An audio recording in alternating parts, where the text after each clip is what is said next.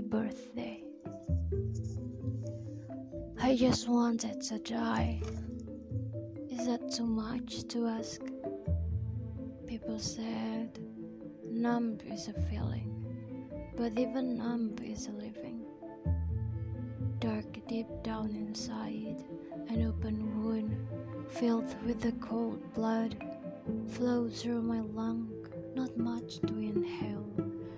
What can I say? Who knows what that meant from? But no worry, that doesn't even matter.